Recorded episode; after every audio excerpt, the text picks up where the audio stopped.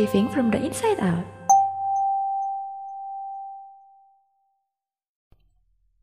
Halo pendengar, jumpa kembali dengan saya di Segenggam Daun, serial Good Question, Best Answers.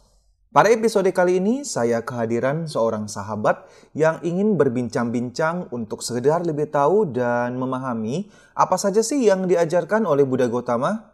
Ya, karena tak bisa dipungkiri, banyak di antara kita yang masih belum terlalu jelas mengenai ajaran-ajaran fundamental dari Buddha. Apalagi terdapat begitu banyak tradisi atau sekte agama Buddha, baik di Indonesia maupun di seluruh dunia. Baik, saya akan berusaha memberikan jawaban-jawaban terbaik dari saya untuk pertanyaan-pertanyaan yang diajukan oleh sahabat kita. Yuk, silakan.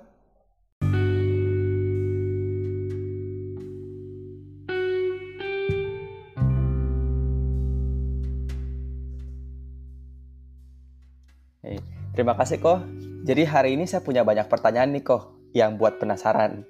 Jadi apa sih kok yang sebenarnya diajarkan oleh Sang Buddha? Oke ya, jadi semua ajaran-ajaran Sang Buddha berpusat pada empat kebenaran mulia, sama seperti tepi roda yang jari-jarinya mengarah ke tengah roda. Disebut empat ya karena ada empat, terus disebut mulia karena hal itu yang membuat orang-orang yang memahaminya menjadi suci dan mulia. Dan disebut kebenaran ya karena berhubungan dengan realitas dan hal tersebut adalah benar, seperti itu. Hmm, oke kok. Tadi Koko ada mention mengenai empat kebenaran mulia. Boleh Hmm. diceritakan nggak kok apa itu kebenaran mulia yang pertama? Oke, kita mulai dulu ya dari kebenaran mulia yang pertama. Nah, kebenaran mulia yang pertama bahwa kehidupan adalah penderitaan. Adalah tidak mungkin kita hidup tanpa merasakan bentuk-bentuk tertentu dari rasa sakit atau kesedihan. Kita harus mengalami penderitaan fisik seperti sakit, usia tua, dan akhirnya mati.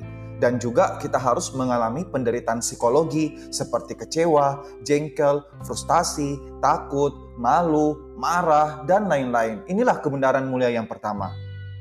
Hmm, tapi bukannya hal tersebut membuat kita jadi pesimistik ya kok?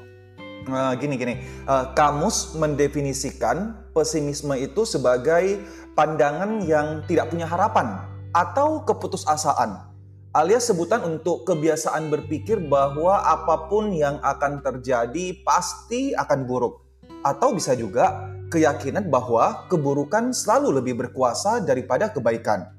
Buddhisme tidak mengajarkan kedua pandangan tersebut. Buddhisme juga tidak menyangkal adanya kebahagiaan. Buddhisme hanya mengatakan bahwa hidup itu adalah mengalami penderitaan fisik dan psikologi, di mana pernyataan tersebut sangat benar dan sangat jelas sekali, tidak dapat disangkal. Buddhisme mulai dengan sebuah kenyataan, sebuah fakta tak terbantahkan, sebuah hal yang diketahui semua orang, yang semua orang telah alami dan semua orang coba untuk hindari. Dengan demikian, Buddhisme memulai langsung menuju pada inti kehidupan bagi setiap orang, yaitu penderitaan dan bagaimana menghindarinya. Oh, oke, baik kok, sudah paham kok. Kalau kebenaran mulia kedua kok gimana kok?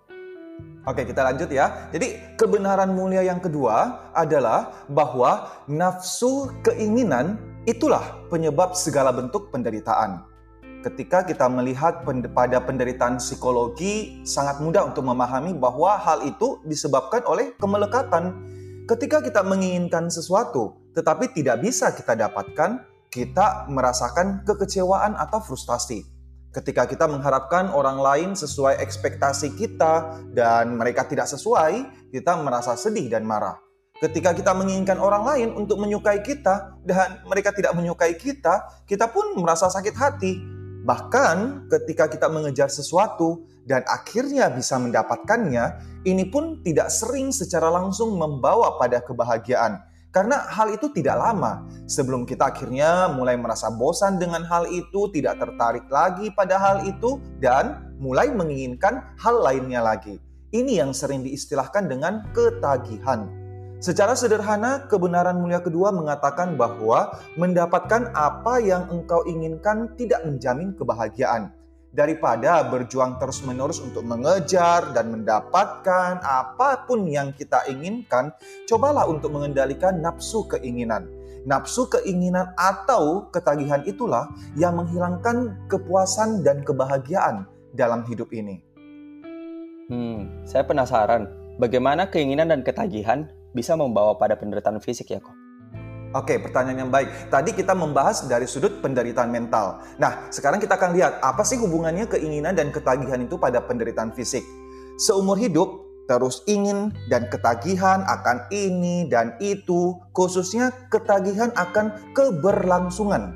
Ini menciptakan sebuah energi kuat yang menyebabkan seseorang terus terlahir kembali ketika terlahir kembali, kita memiliki tubuh jasmani. Dan seperti yang disampaikan tadi, dengan memiliki tubuh inilah, seseorang akhirnya dapat terluka dan terkena penyakit, tubuh bisa letih karena kerja, akan menua, dan akhirnya mati. Karena itulah ketagihan yang membawa penderitaan fisik, karena hal tersebut menyebabkan kita terlahir kembali. Hmm, Oke okay kok, masuk akal kok dan dapat diterima. Tetapi jika kita berhenti total untuk mempunyai keinginan, bukannya artinya kita tidak akan hmm. pernah mendapatkan apa pun atau mencapai apa pun yeah, dalam yeah. hidup ini kok. Oke, okay, oke, okay, oke. Okay. Begini, begini.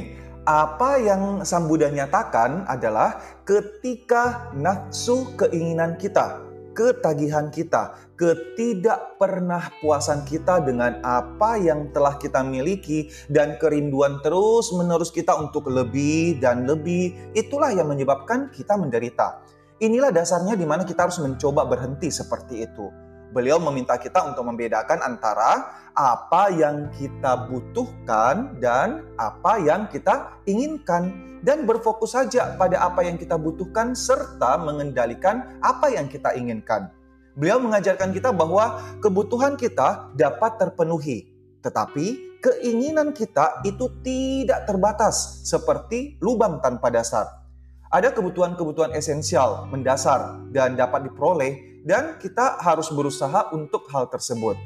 Keinginan yang lebih dan lebih dari itu, nah ini yang harus dikurangi secara bertahap Inilah nafsu keinginan. Lagi pula, apa sih yang kita harapkan dari hidup? Tentunya untuk menjadi puas dan bahagia. Itu saja kan? Hmm, oke, okay, setuju kok.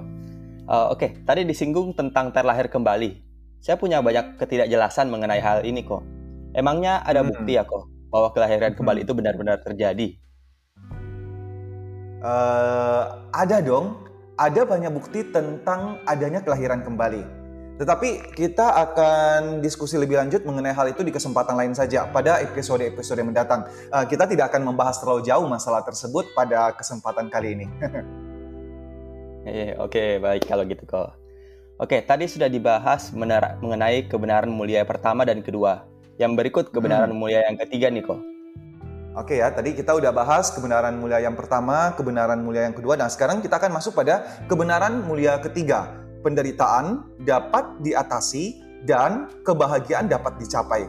Mungkin ini adalah bagian terpenting dari empat kebenaran mulia, karena melalui inilah Sang Buddha meyakinkan kita bahwa kebahagiaan sejati itu ada, dan mungkin ketika kita melepaskan dan mengakhiri ketagihan atau nafsu keinginan yang tiada habis-habisnya itu, dan belajar untuk hidup di sini dan di saat ini, menikmatinya tanpa gelisah untuk menginginkan apa lagi yang bisa didapat dari hidup ini, juga dengan sabar bertahan dalam permasalahan kehidupan, menjalaninya tanpa kesedihan, kebencian, dan kemarahan. Kemudian di sinilah kita menjadi bahagia dan bebas. Di sinilah kita dapat hidup dengan hidup yang betul-betul sepenuhnya.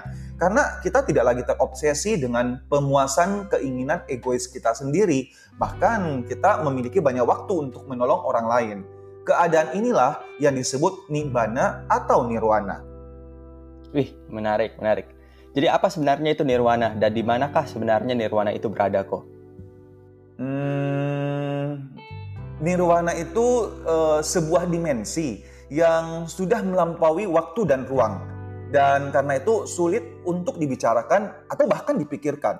Mengapa? Karena kata-kata dan pikiran kita hanya dapat menjelaskan segala sesuatu yang ada hubungannya dengan dimensi waktu dan ruang.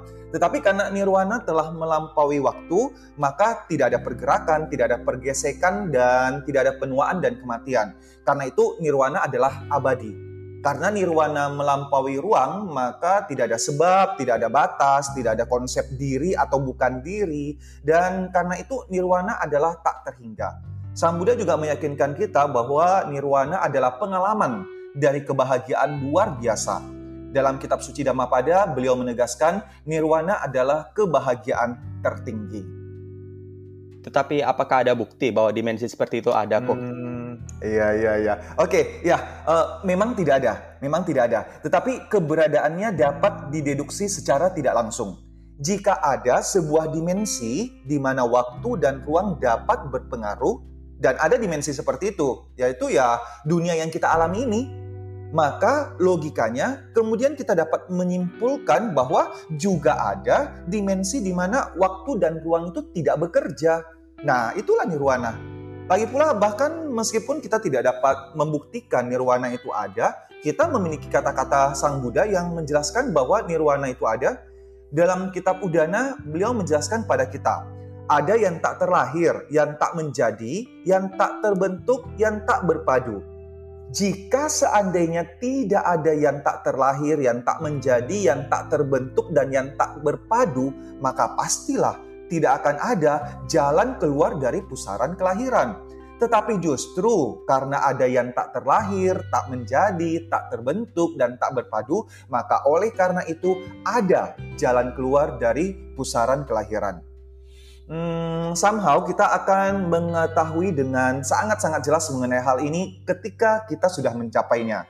Namun sebelum tiba pada waktu itu, ya saat ini kita masih dapat berlatih dan terus melatih diri. Hmm, Oke, okay, siap kok. Terakhir nih kok yang buat penasaran, Hmm. Apa itu kebenaran mulia yang keempat tuh?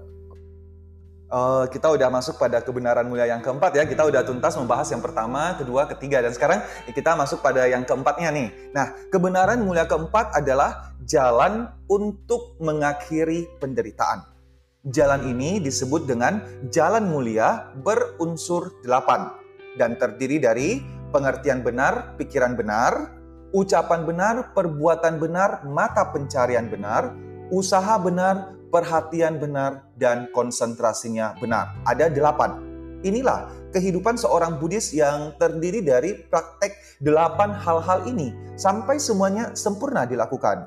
Kita bisa melihat bahwa langkah-langkah pada jalan mulia berunsur delapan ini meliputi semua aspek kehidupan, intelektual, etika, sosial, ekonomi, serta psikologi dan oleh karena itu berisi semua yang dibutuhkan untuk menjalani kehidupan yang lebih baik dan mengembangkan diri kita secara spiritual.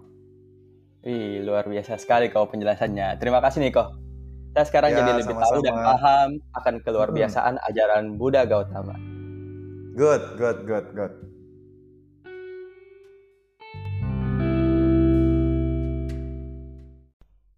Demikianlah para pendengar pertanyaan-pertanyaan berbobot dan kritis yang telah dilontarkan oleh sahabat kita tadi dan semoga melalui jawaban-jawaban yang telah saya berikan sedikit banyaknya dapat memberikan manfaat berupa tambahan wawasan dan pengetahuan kita semua mengenai inti ajaran Buddha Gotama.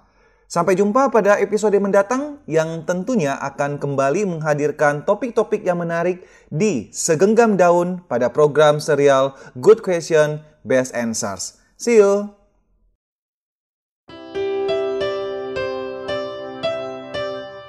Living from the inside out.